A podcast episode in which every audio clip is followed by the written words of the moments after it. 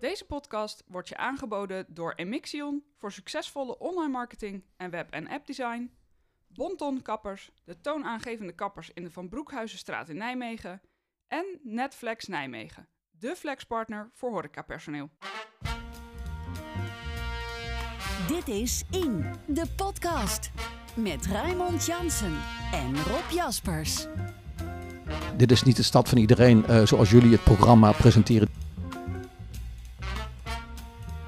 Als politici zeggen dat ze iets jammer vinden, dan zijn ze eigenlijk heel boos. Want je bestuurt als raad de stad, niet als coalitie.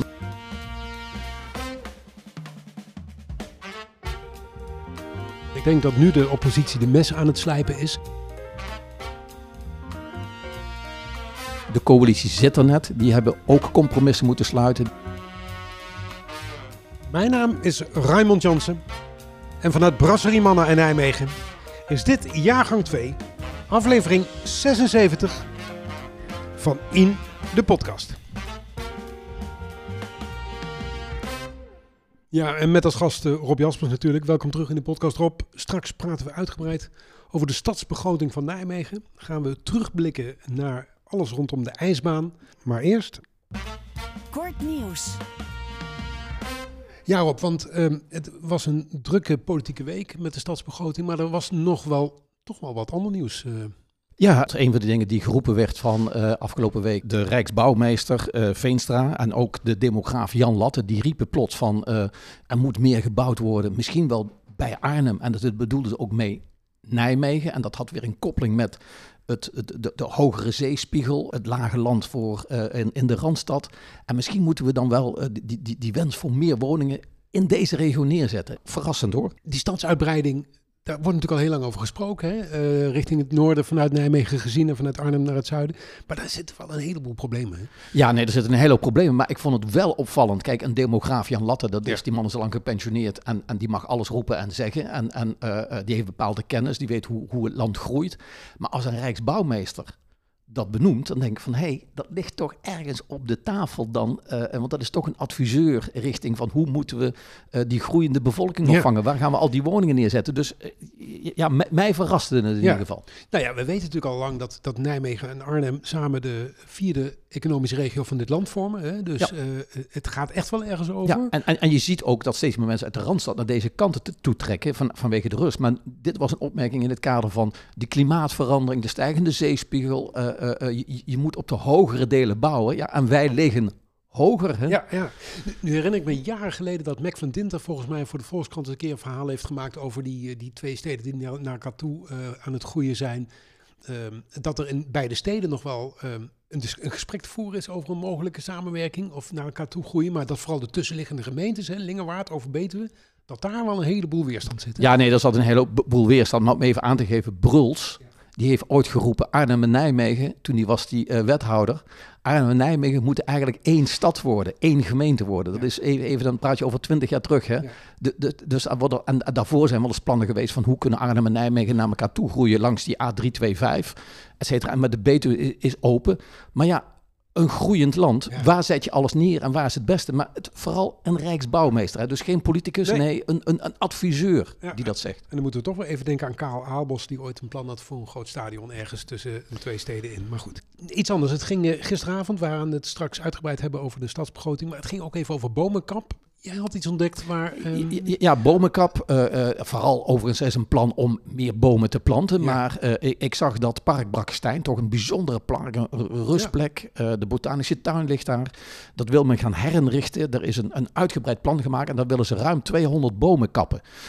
En ik vind de verklaring daarbij, ze kijken van hoe de bomen ten opzichte van elkaar staan. Ze gaan ook investeren in extra groen, maar ze willen iets van het verleden terugbrengen.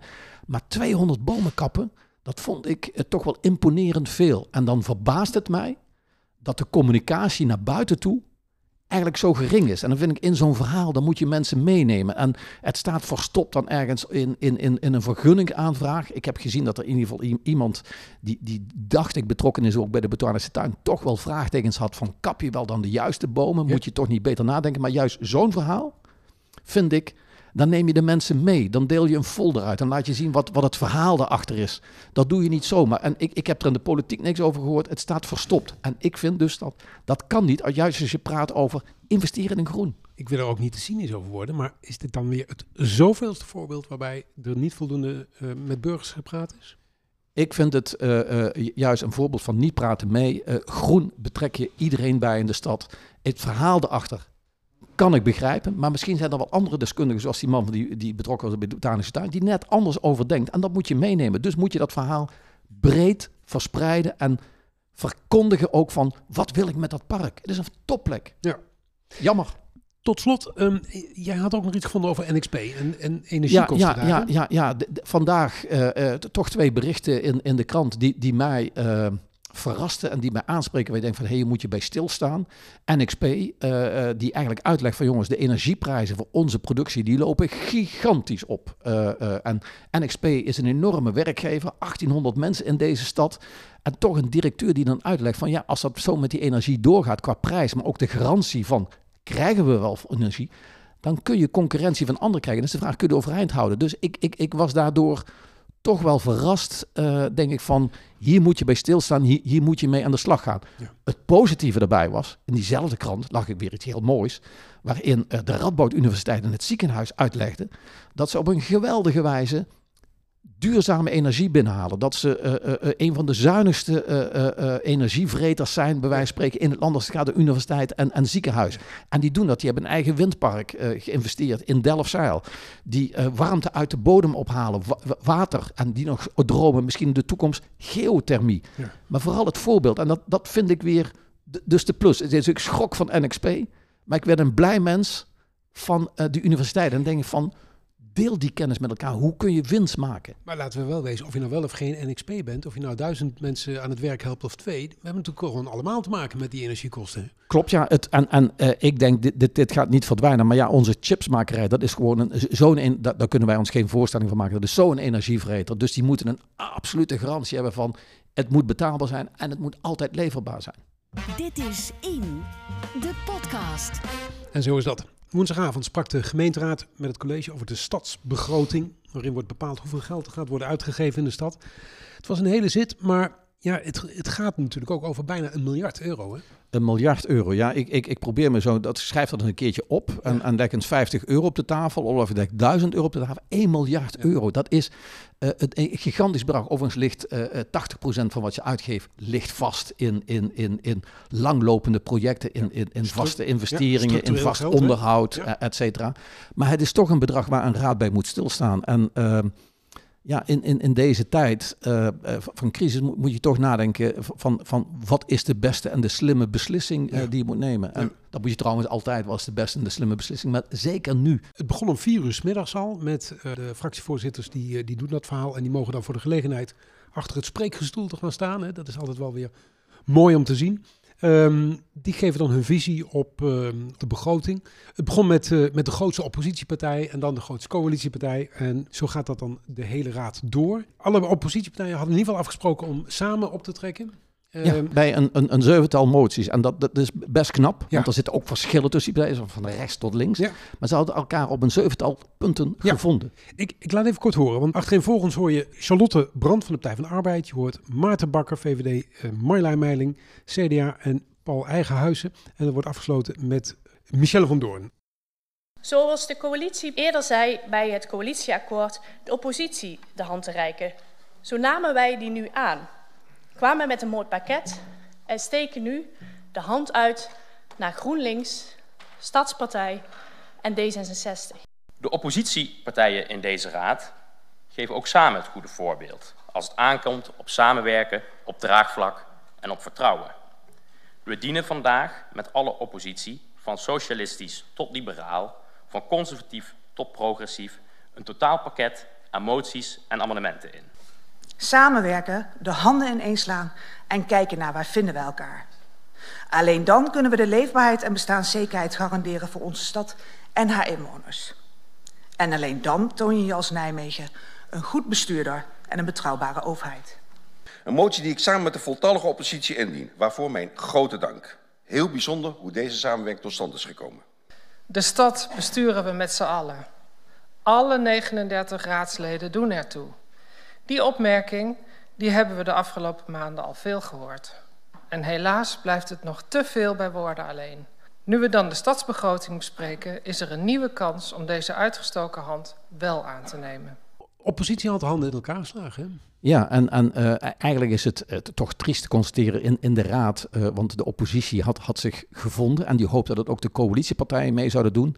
En er werd heel vaak verwezen naar uh, hoe de coalitie zich presenteert, namelijk onze stad, de stad van iedereen. En uiteindelijk was op het eind bleek er kritiek hangen van wij zijn, ja, dit is niet de stad van iedereen zoals jullie het programma presenteren, die stadsbegroting. Dit is de stadsbegroting van jullie. Ja. En dat vond de oppositie toch wel jammer dat de coalitie coalitie eigenlijk niet meeging in het verhaal van uh, die 17 andere raadsleden. Ja, als politici zeggen dat ze iets jammer vinden, dan zijn ze eigenlijk heel boos, uh, heb ik altijd de indruk. En ergens snap ik het ook wel. Hè. Bij de presentatie van het coalitieakkoord, toen werd heel duidelijk gezegd, we, we, willen het met elkaar doen, met de stad doen, met de raad doen. Maar alles wat, wat er tot nu toe vanuit die raad richting de coalitie gegaan is, ja, dat is netjes maar direct de deur gewezen. Ja, en, en direct de deur gewezen. Mij viel op in de discussie dat uh, de, de oppositie uh, regelmatig uh, of eerder de stukken al naar de coalitiepartij gestuurd hadden. Soms zelfs twee, drie weken ervoor. Ja. Ik hoorde Paul Eigenhuizen zelfs zeggen van 2,5 weken geleden, maar had geen reactie gekregen. Nee, van D66. En dat is eigenlijk toch, toch wel triest dat... dat die samenwerking tussen die raadsleden, want je bestuurt als raad de stad, niet als coalitie, maar je bestuurt als raad de stad, dat dat niet wordt opgepakt. Uh, nee, het, het, is voor ons leuk, want we kunnen nog heel veel uh, vurige debatten verwachten, denk ik. Want ik denk dat nu de oppositie de mes aan het slijpen is.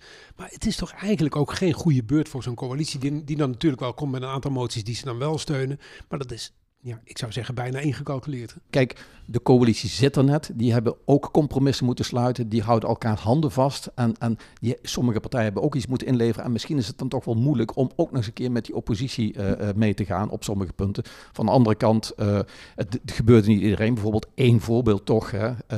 de Engie-centrale, dat was een motie van god, doe daar geen gascentrale komen. GroenLinks heeft dat met die coalitie toch uh, uh, aangenomen en eigenlijk gezegd, hier moet geen gascentrale komen. En gaf eigenlijk ook de eigen wethouder verguntie, maar blijf verdedigen. Niet dat hij zegt, het gaat er komen, maar je moet het open houden, want het is misschien wel een nationaal belang of ja, toch opvallend. Dus ja. daar was toch wel een samenwerking. Nou, ik vind het, ik vind het ja, opvallend is een mooi woord daarvoor. Uh, wethouder Vergunst houdt de poot stijf. Die zegt, wacht nou maar even en wacht het allemaal nou maar af. En gaat continu toch voorbij aan het feit dat bij Engie of vanuit het college niemand gerept heeft over de mogelijkheid die er is voor zo'n gasgestookte nee, nee, het, nee, het, het was echt niet goed voor. Nee, het was zelfs zo triest dat ook uh, bijvoorbeeld uh, eigenaar, legt daar nog een keer uit, de raad is op bezoek geweest bij Engie, daar hebben we ja. een hele hoop uitleg gekregen. Ja. Geen woord gemeld over die gascentrale. En dat is eigenlijk toch triest. En dat, dan, dan moet je je Engie een oorvijg geven en dat moet je ook als wethouder doen. Ja. De wethouder zegt natuurlijk van god, het Rijk heeft het aangewezen tot een nationale plek voor energie opleveren. Dus die kunnen een aanwijzing ja. doen, dat, dat klopt. Maar je kunt wel als lokaal kun je een statement maken. En het is, ja, zijn eigen fractie passeert hem op, dit, op dat uh, terrein. Ja. Uh, dus, uh, ja, en uh, over zijn eigen fractie gesproken. Quirijn Lokker, fractievoorzitter. ik heb voor de verkiezingen hem geïnterviewd en toen wel eens geroepen dat leiderschap hem nog ontbeerde. Ik vond dat hij een goede indruk maakte gisteren. Hij uh, had een goed verhaal. Hij was ook respectvol naar de oppositiepartijen, waarbij waar je bij de Stadspartij en bij D66 daar wat minder uh, zag. Ik vond het een goede beurt van Lok. Ja, hij probeert uit te leggen, hij probeert te luisteren. En als je naar de andere partijen kijkt, kijk, de Stadspartij, daar voel ik, uh, ze zitten soms klem. En, en de, de, de oppositie speelt er ook mee. Dat wil zeggen, die herinneren aan zaken die in hun verkiezingsprogramma stonden. En waar ze niet op reageren. Als het gaat bijvoorbeeld over meer BOA's, meer uh, uh, waakzaamheid in, in wijken, dan staat er uitvoerig in het programma van de Stadspartij. Maar dat is niet terug te vinden in, de, in, in het coalitieprogramma, in de stadsbegroting. Ja, en dan krijg je om de oren. En, en daar had eigenlijk uh, Wendy Grutters absoluut geen enkel antwoord op. Dan, dan verstopt ze zich en dan, dan voel ik de pijn, de frustratie. Ja, we doen mee in een coalitie en je hebt iets moeten inleveren. Uh, we komen straks nog op armoede. Da daar scoort uh, Brom wel, vind ik.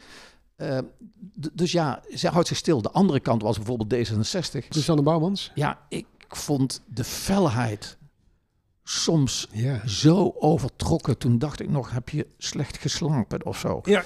Eh, want want, want eh, ja, ze deelden oorvijgen uit. Dat doen wij natuurlijk ook wel eens. Maar ik, ik vond onterechte oorvijgen. Na, na- en, en je zag dat sommige eh, oppositiepartijen daar ook wel diep teleurgesteld in, in, in waren. Ja, ja want bij dat soort opmerkingen komt natuurlijk al snel de arrogantie van de macht om de hoek kijken. En als je eh, heel voorzichtig gaat zoeken naar woorden om uit te drukken dat je, iets eigenlijk, dat je eigenlijk alle plannen van de oppositie slechte plannen vindt. Het feit dat de voltallige oppositie ehm, in gezamenlijkheid moties en amendementen indient, ja, dat is natuurlijk hartstikke mooi. Maar, en ik probeer dat echt niet onaardig te zeggen, maar kijk, dat betekent gewoon nog niet dat het altijd goede plannen zijn. Ja, dan snap ik wel dat de, dat de oppositie zegt, ehm, die handreiking die missen wij een beetje. Ja, ik, ik vond Lusanne Bouwman te scherp. En ik, ik denk dat ze, als ze verstandig is, nog eens een keer terugbladert in haar hoofd. En nadenkt van God, hoe heb ik deze avond geopereerd? Ik vond het niet slim. En zo, zo ken ik haar ook niet. Als we even kijken naar die oppositie. We, je hoorde net eh, Charlotte Brand van de Partij van de Arbeid. Die doet die oproep om samen te werken. Maarten Bakker deed dat op een heel constructieve manier, vond ik. Marlijn Meiling ook wel weer met, eh, met krachtige eh, woorden. Paul Eigenhuizen, gewoon Nijmegen.nu. Eh, ik vond het een, een, een goed, krachtige optreden van de oppositie. En ik ben wel benieuwd wat dat gaat brengen de aankomende jaren. Ja, als ze elkaar vaker gaan vinden. Overigens zitten tussen die partijen ook verschillen. Hè? Ja, Eh, laat ja, ja, wel wezen. Kijk, de VVD als, als, als, eh, die- die enorm afzet tegen het aanpakken van de auto in de stad. Nou, ook binnen die oppositiepartijen hebben mensen daar absoluut eh, mo- moeite eh, eh, mee. Zeker, zeker. Eh, maar het is belangrijk dat je vindt, waar kunnen we het met elkaar eens zijn? Juist. En als die oppositie, waar de tegenstelling enorm elkaar vindt, dan zou ook die coalitie daar open voor moeten staan, denk ik. Overigens, ik vergat Hans van Hoofd van de SP te, eh, te noemen. Die, ha- die had een motie om het eh, vervoersbedrijf weer, te, weer in de handen van de gemeente te brengen. Ja. Ik had het net over, met lof over Quirijn Dokker, maar roepen tegen Hans van Hoofd... ja, u heeft daar een motie over, die heb ik nog niet gelezen, dus ik weet het niet. Dat is natuurlijk een beetje arrogant, hè? Dat is arrogant en dat is weer in dat verhaal. Waarom heb je dat niet eerder gezien? Want het was allemaal vroegtijdig toegezonden. Ja. Eh, overigens, zo'n motie, ja, dat is Ah, populair. het maak, het, maak, het, maak het OV-bedrijf weer, weer, een, een, een overheidsorgaan. Eh, ga dat als gemeente doen. Ja, het, het, ik, ik geloof er wel in. Je had het misschien nooit het handen moeten geven als, als Rijk, als gemeente in het verleden. Maar om dat terug te brengen, dat, dat is een weg. Dat regel je inderdaad niet lo- lokaal, denk ik. Nee. Eh, overigens, hele kleine dingetjes. Als naar, naar de begroting kijken. Hè. Eh, je, hebt, geeft 1 miljard euro uit. Maar hele kleine dingen als er komt steun voor een dierenbuddy. Ja, Eh, ouderen die eh, thuis zitten, die een, een huisdier hebben, die soms moeite hebben om dat te verzorgen, maar juist wel dat als hun trouwe vriend zien. En dan soms dat moeten afstaan. En, en dan komt een motie van, ik dacht het CDA, ja, van het CDA, ja, ja. van God, trek daar wat meer geld voor uit, zodat vrijwilligers en maak bekend, zo- zodat die dieren door de buurt of door vrijwilligers uitgelaten kunnen worden, zodat die ouderen toch zo'n dier houdt. En dat vind ik in een begroting van 1 miljard. Zo'n dierenbuddy, ik geloof dat het over eh 8 of 10.000 euro gaat, die krijgt steun. V- vind, vind ik top. Eh, Ja. eh, een, een heel ander verhaal als je het hebt over die begroting. We hadden het over de plaagdieren in de stad. Ja. De dierenpartij die vindt van jongens, we moeten van die term af. Eh, eh, eh, we- we- we- het zijn niet altijd plaagdieren. Zelfs de, de rat werd als, soms als een positief eh, eh, dier neergezet. Ja, ze kregen uiteindelijk alleen maar de, drie, de steun van de drie Partij voor de Dieren Ja. eh, eh, raadsleden. Maar Overigens, over die Partij voor de Dieren, die hebben nog steeds geen definitieve fractievoorzitter. Hè? Want eh Eline Loret is nog steeds waarnemer. Ik weet dat er binnen de partij nog ehm, ja, gesproken wordt. Want er moet natuurlijk straks gewoon iemand definitief weer fractievoorzitter worden daar. Ja. Maar dat Eén- terzijde. één- één dingetje vond ik trouwens ook nog heel erg mooi. Dat hoort bij die kleine dingen in die miljardbegroting. De AED's, Stichting Hartslag Nijmegen, Ja. die, die eigenlijk in alle wijken eh, eh, AED's heeft geplaatst. Die, die mensen opleidt, die mensen zorgt dat ze ook als vrijwilliger elke keer naar een herhaalcursus gaan. Die hebben het ook moeilijk in deze tijd. Daar is, die riepen om extra geld. Die deden dat vaak via sponsors, maar die hebben het ook weer moeilijk. En ook daar werd toch weer geld voor gegeven. En dat vind ik in zo'n in zo'n miljardenbegroting, hè, we hebben het over tientallen miljarden, hier praat je over enkele tienduizenden euro's weer, om, om dat overeind te houden. Ja. ook, ook dat haalt het. En dat vind ik Ja, ja, toch wel ook wel weer het mooie van eh, zo'n begroting. Dat het gaat niet altijd over de grootheid, maar het gaat ook over de kleine dingetjes. En die, Ja. die, ja, die worden dan toch binnengehaald. goed. We gaan terugbladeren. Terugbladeren. Ja, elke week bladert Rob Jaspers eh, terug door oude kranten op zoek naar nieuwsberichten die immer actueel zijn. Het ging er eh, woensdagavond ook even over tijdens de stadsbegroting. hè. De ijsbaan Ja, de ijsbaan Triavium, die staat er nu uh, van net voor de jaren uh, twee, voor, voor de eeuwwisseling, uh, die al heel vaak stuk is geweest, waar die heel veel kost aan, aan, aan onderhoud, aan, aan huurcontract. En Nijmegen denkt na over een, een, een nieuwe zwembad en een nieuw sporthal uh, in de Winkelsteeg. Niet op de locatie van Massinghal, maar ergens in de Winkelsteeg. Ja. En, en daar kwam een, een, voorstel van sommige oppositiepartijen, zoals het CDA en, en Eigenhuizen en uh, de VVD. Kun je dan niet combineren met een nieuwe ijsbaan? Want dan kun je namelijk de energie slim gebruiken. We ja. hebben het er al eens eerder over gehad. Er zijn voorbeelden in Nederland en ook elders waar dat gebeurt en wat heel slim is. omdat je de energie kosten uh, drukt ja. en slim omgaan, duurzaam bezig bent. Maar er zijn ook problemen met de kosten. Maar even terug naar die ijsbaan in het verleden. Uh, er wordt op gewezen van eigenlijk is die ijsbaan Triaven altijd een probleem geweest. Nou weet ik me te herinneren, toen die discussie startte in november 94, was eigenlijk overigens, het was niet direct een gemeentelijk plan. Het idee kwam wel van de gemeente, maar het was eigenlijk een van de eerste keren dat de gemeente zei, we moeten dit uitbesteden aan, aan projectontwikkelaars, aan mensen die verstand het niet vanuit de gemeente laten organiseren. Dus het was Marco Bouw, Euroleisure, uh, uh, ijsontwikkeling en die hadden verstand ervan. En, maar achteraf is gebleken dat het ja, de rekening kwam toch bij de gemeente te liggen. En, en iets waar direct problemen over gemaakt was, was natuurlijk van god, daar komt een ijsbaan van 333 meter. Ja. Ik heb daar zelf altijd op verschillende manieren naar gekeken. En als je terugblikt kun je dat ook zien. 333 meter is geen 400 meter ijsbaan zoals overal is. Ja. Maar de andere kant was, de bochten in die ijsbaan, die voldeden precies aan de norm van een 400 meter baan. En er zijn zelfs in die jaren, in 2004, 2005, kwamen topschaatsers hier oefenen. Want je kon hier juist die bocht uh, heel goed uh, ja. uh, oefenen en trainen. En de andere kant is een 400 meter baan is vooral natuurlijk voor schaatsers die aan competitie meedoen goed. Maar voor de recreant, in de tijd was de ijsvereniging Nijmegen, die, die, die mopperde eerst. Maar later zei ze, god, dit is toch wel prima.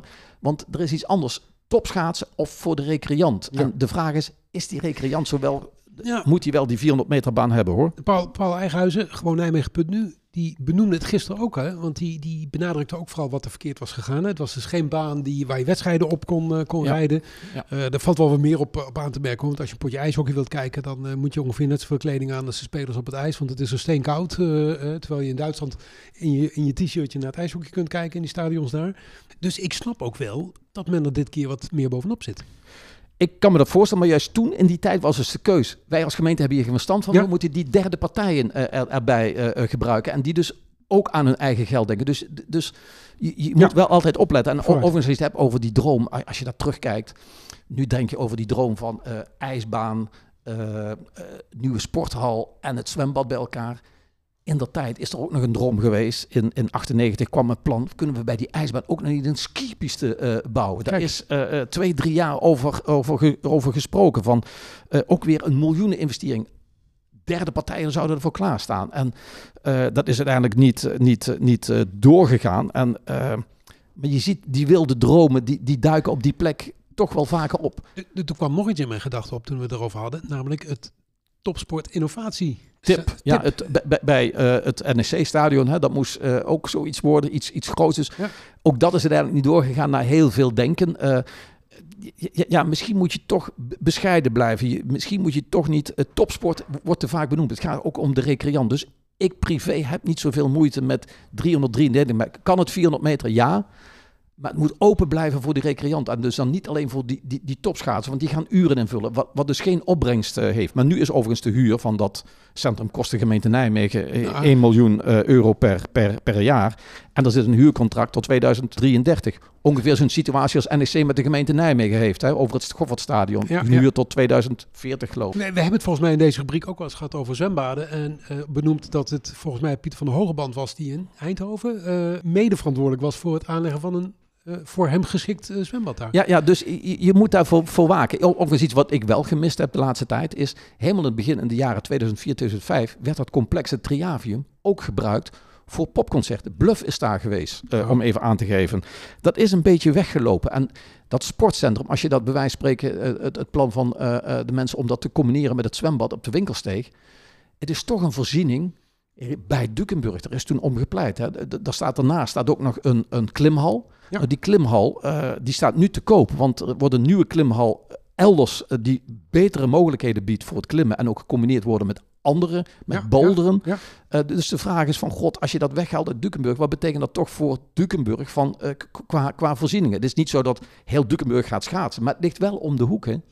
Dit is In, de podcast.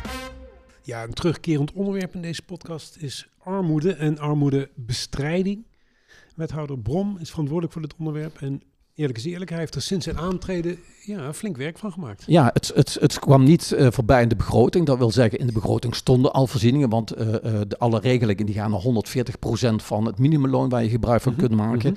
Eh, maar de, de crisis heeft ons natuurlijk verrast. Dus na, na het samenstellen van de begroting is er nu een extra bedrag beschikbaar gekomen, geloof ik, van 5 miljoen euro. Om de mensen te steunen bij die in energiearmoede zitten. Niet alleen aan de onderkant, maar iedereen die klem zit, die kan komen uitleggen hoe die klem zit en hoe die geholpen kan worden.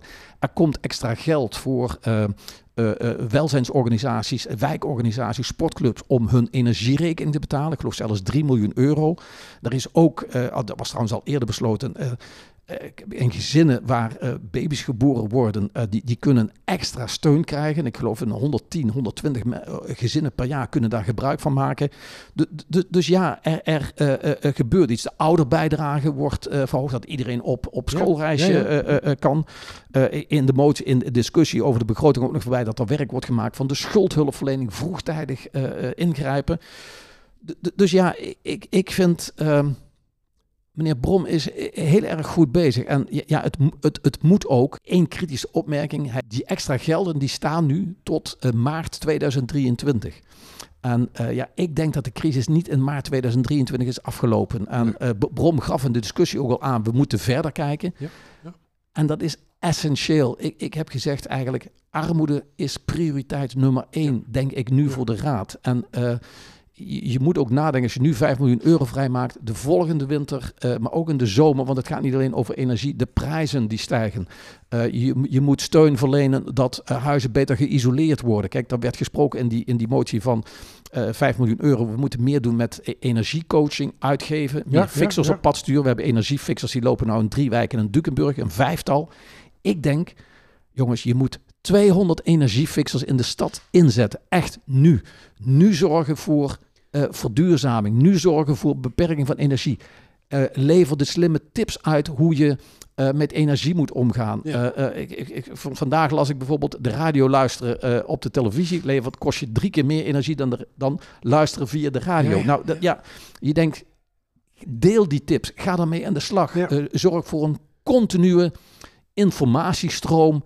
Eh, eh, eh, via de media, via advertentiespagina's in, in, in de brug, in, in, overal in wijkcentra, zodat mensen de slimmigheden ontdekken. Het, is ook wel een beetje zuur ergens, hè? want de inkt van het coalitieakkoord was nog niet droog. Of de armoede nam een vlucht, bij wijze van spreken. Ja. Deels door de gestegen energiekosten natuurlijk. En de crisis, kijk, Oekraïne heeft ons allemaal verrast. Hè? Dus eh, Ja, dat, dat, kon niemand eh, eh, voorspellen. En wij hadden van tevoren gezegd, de armoedeparagraaf in het coalitieakkoord was al ruimer dan eigenlijk in, in de vorige periode. Dus Ja. men, men, men zag dat er moet iets gebeuren. Maar Oekraïne heeft eigenlijk een, een, een dubbele, driedubbele duw gegeven in, eh, voor eh, de armoede. En ja, ja, je moet daarbij stil. En ja, ik, ik, langzaam maar zeker word ik ja, toch blij van Brom. Hij heeft het door. Maar de kunst is, snapt de raad het ook voldoende? Van, Ja. Kijk, er zijn sommige mensen die roepen, je moet blijven investeren in de stad. Ja, zeg ik.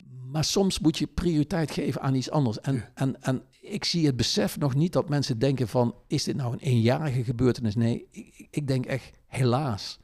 Dit gaat ons jaren achtervolgen, Ja. eh, de, de, de- deze crisis. En, en kijk, kijk, NXP die roept van, goh, stel dat het daar misgaat, hè, wat dat betekent voor werkloosheid enzovoort. Ja, hè? ja, ja, zeker. Je, je benoemt het al, hè? Brom groeit in zijn rol. Het is een beetje een atypische wethouder, zoals we hem hebben leren kennen. Wethouder Jean-Paul Broeren had het zwaar gisteren, had ik de indruk. Ja, alle pijlen waren wel even op hem gericht. Ja, ja, ja, daar kwamen heel veel moties voorbij. En, en dat werd dan gekoppeld eigenlijk ook aan programma's zoals ze stonden in, in het programma van de Stadspartij. En ja, Jean-Paul Broeren die verdedigt zich dan heel vaak ben van ja, het kan niet of het, Ja. het staat vast. Eh, terwijl die daar juist, en dat, ja, ik heb het al tien keer gezegd, Ja. waar die vroeger met creatieve oplossingen kwam om, die de oppositie nou vaak aanbood, dan zegt hij nee, het kan niet. En ja, je ziet hem worstelen. En eh, waar Brom groeit in zijn rol als mens, namelijk zijn eigen menselijke ervaringen meeneemt om, om eh, het, ja, de armoede onder ieders aandacht te brengen en ook de middelen te vinden. Zie ik Jean-Paul Broeren verstopt raken in eigenlijk het stadhuis. Niet goed. Laten we het omkeren en zeggen, hij heeft nog heel veel kansen om... Uh, Uiteraard, want wij waren aan het begin ook kritisch over Brom. Maar ik, ik, daar zie ik absoluut de groei. dus uh, laat ik hopen voor de stad dat Jean-Paul Boeren groeit in zijn rol. En vooral ook zijn verhaal brengt. En zich niet verstopt achter die ambtenaar. Jij bestuurt Jean-Paul Boeren. Jij moet het verhaal brengen. Samenvattend, een um, eensgezinde oppositie die um, scherp en kritisch was naar een weinig flexibele, onbuigzame coalitie. Ja, want eigenlijk is het tegelijk ook triest. Want toen uiteindelijk, na, na zo'n discussie, wordt er gestemd. Hè, er waren 33 moties, ik geloof 10 amendementen. men was de weg kwijt. Uiteindelijk wordt er dan toch gestemd over de begroting. En dan is het toch opmerkelijk, dat komt niet vaak voor. Er waren altijd wel partijen die stemden tegen de begroting. Maar nu was eigenlijk de coalitie, die stemde voor de begroting. En de oppositie vrijwel voltallig tegen. Ik kan me dat niet herinneren, dat dat ooit Nee, nee, nee. En daar moet je toch bij stilstaan. Dan heb je eigenlijk een kans gemist daar waar een hand aangeboden werd door samenwerkende oppositiepartijen die eigenlijk ook onderling enorme tegenstellingen kennen. De VVD is wat anders dan de PvdA, is wat anders dan de SP. De Partij voor de Dieren is wat anders als uh, uh, de, de, de PvdA uh, of, of de SP. De, maar die hadden elkaar wel gevonden. Gaat het spannend worden? Ik vind dat raadsleden open moeten staan voor het geluid van die ander. Verstop je niet in het verhaal van jezelf. Uh, dus ik hoop, kijk, gisteravond waren alleen de, de, de, de, de fractieleiders aan het woord. Ik hoop dat de andere raadsleden heel goed geluisterd hebben en toch de discussie op gang brengen, intern, van hey, moeten wij niet anders omgaan? Als je de zin gebruikt, de stad is van iedereen en de oppositie concludeert nu achteraf, nee, jullie doen alsof de stad van de coalitie is, dan moet je daarover nadenken. Goed, we sluiten af met de column van Kiki. Die heeft aandacht voor een onderwerp dat woensdag ook voorbij kwam. Dat is kraken. Dit is In, de podcast. Kraken gaat door, zo bleek deze week in Nijmegen. De groep Nijmegen Chantine betrok afgelopen week twee keer het oude café Extase, dat al sinds 2020 leeg staat. Beide keren brak de politie de deur open en moesten de krakers vertrekken. Mooi feitje van nog voordat de politie de deur inramde. Toen de krakers hun slaapzak hadden uitgerold en een nieuw huis op orde begonnen te maken, vonden ze tussen de oude spullen stickers met teksten als: Jozef en Maria waren een van de eerste krakers. Wat zou er van Jezus terecht zijn gekomen na invoering van de leegstandwet? De stickers zijn waarschijnlijk een souvenir van het rijke Nijmeegse krakersverleden. En ze herinneren daarmee ook aan een belangrijk punt. Deze kraakactie gaat over veel meer van het woonrecht van enkel deze groep individuen. Het gaat over de spanning tussen het recht op eigendom van vastgoedondernemers en het woonrecht van Nijmegenaren. Met deze actie claimden de krakers niet alleen een dak boven hun eigen hoofd, ze maakten de werking van onze wet zichtbaar. Kraken is sinds 2010 strafbaar. En dat betekent dat wanneer pandjesbazen een pand leeg laten staan en laten verloederen, vaak uit financieel belang, de politie aan hun kant staat wanneer mensen het pand claimen om in te wonen. Eigendom gaat boven woonrecht in dit geval. En dat voelt voor velen verre van logisch. Idealen ontruim je niet, scandeerden betogers voor Café Extase tegen de politie. Legaal is niet altijd hetzelfde als humaan of ideaal. Langdurige leegstand in tijden van grote woningnood is pijnlijk. Mensen worden tot kraken gedwongen, zei een steunbetuiger afgelopen week tegen ons online. Als puntje bij paaltje komt, zetten we mensen liever op straat dan dat de pandjesbaas of onderneming de controle over een ongebruikt pand verliest. Nijmegen Chantien zet de Nijmeegse politiek daarmee op scherp. GroenLinks Nijmegen sprak zich direct uit tegen de ontruiming. De wereld op zijn kop noemden ze het. Volgens hun partijprogramma's zijn ook de lokale SP en Partij voor de Dieren loyaal aan de kraakbeweging. Maar ze bleven vooralsnog stil. Stadspartij Nijmegen noemt leegstand in hun partijprogramma ontoelaatbaar, maar van harde actie wordt niet gesproken. Weinig verrassend noemde de VVD de GroenLinks-uitspraken bijzonder. De wet moet immers worden gevolgd. Dat die wet kraakt en nood voor sommige wet doet breken, zagen we afgelopen tijd al steeds vaker in andere steden. Mokum kraakt in Amsterdam betrok al meerdere panden. Ze knapte de ruimtes op, maakte het weer bewoonbaar en hostte culturele bijeenkomsten voor de buurt. Bij een ontruiming kreeg ze steun van diezelfde buurt. In andere kraakpanden werden weggeefwinkels voor minder bedeelden georganiseerd. Het zijn het soort initiatieven waar bijvoorbeeld de geliefde Nijmeegse plufabrieken ooit uit zijn ontstaan. Als het kraken weer opleidt, zullen partijen kleur moeten bekennen. Ook in Nijmegen. Hoe ver willen ze gaan in de strijd tegen leegstand? In Nijmegen werd onlangs al de zelfbewoningsplicht ingevoerd voor het opkopen van nieuwbouwwoningen. Gemeentes kunnen een leegstandverordening instellen om eigenaren van leegstaande panden te dwingen huurders aan te nemen. De PvdA pleitte bijvoorbeeld al voor een leegstandsboete. Nijmegen gebruikt deze mogelijkheid nu nog niet. Het zou mij niet verbazen als er komende tijd meer krakersacties volgen.